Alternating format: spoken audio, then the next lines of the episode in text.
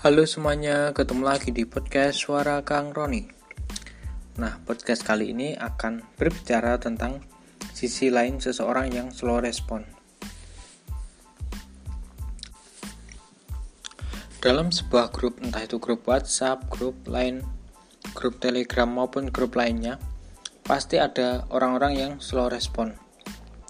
Seseorang yang tidak langsung membalas chat pada saat menit yang sama pada saat jam yang sama. Lalu ada anggota lain yang bertanya-tanya, kok nggak dibales? Kok cuma di read?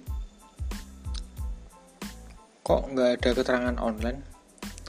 Akhirnya menunggu-nunggu dan kayak jadi menebak-nebak. Kenapa ya? Apa tadi salah chat?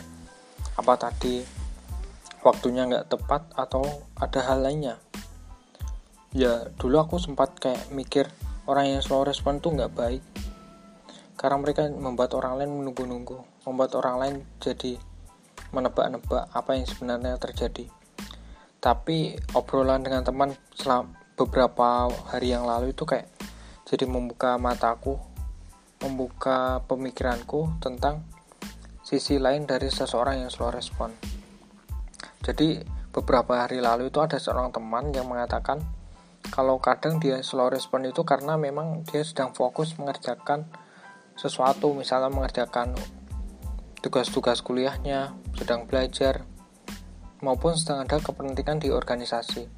Dan ketika dia membuka HP dia itu pasti kayak tergoda untuk ter terus-terusan scroll HP terus-terusan membuka Instagram cek notifikasi cek like komen dan lain-lain. Jadi kayak ya ketika dia menyentuh HP itu kayak langsung terdistraksi seharian gitu akhirnya lupa untuk mengerjakan tugas-tugasnya gitu.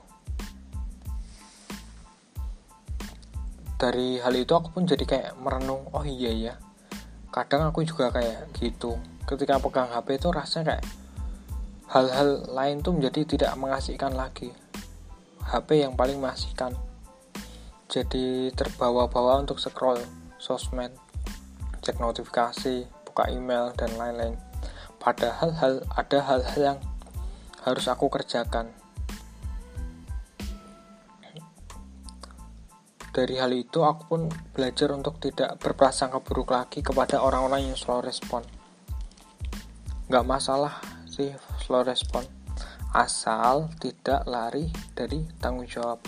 Gak masalah slow respon, asal setelah pekerjaan kita selesai kita merespon terhadap hal-hal yang perlu kita respon di HP kita. Mungkin aja teman kita itu sedang perlu banget bantuan kita. Mungkin ada amanah yang harus kita kerjakan. Mungkin ada kegiatan yang harus kita selesaikan. Ada hal-hal yang butuh konfirmasi kita. Ada hal-hal yang butuh persetujuan kita. Bisa saja peran kita itu cukup penting ataupun hanya sebagai pendukung di sebuah grup, yaitu grup WhatsApp, Line, Telegram maupun grup-grup lainnya yang ada di HP kita. Jadi, nggak apa-apa menjadi orang yang slow respon, asalkan tetap bertanggung jawab. Nggak apa-apa slow respon, asalkan setelah kegiatan utamanya itu selesai, diusahakan untuk segera merespon, agar orang lain tidak terlalu lama menunggu, agar orang lain tidak jadi menebak-nebak dan dipenuhi oleh berbagai prasangka. Nah, itu tadi adalah sudut pandang lain dari seseorang yang slow respon. Semoga dengan sudut pandang ini bisa membuat kita lebih bijak dan tidak mudah untuk memberi judging atau ngejat seseorang karena berbeda dengan kita. Semoga bermanfaat dan sampai jumpa di podcast selanjutnya.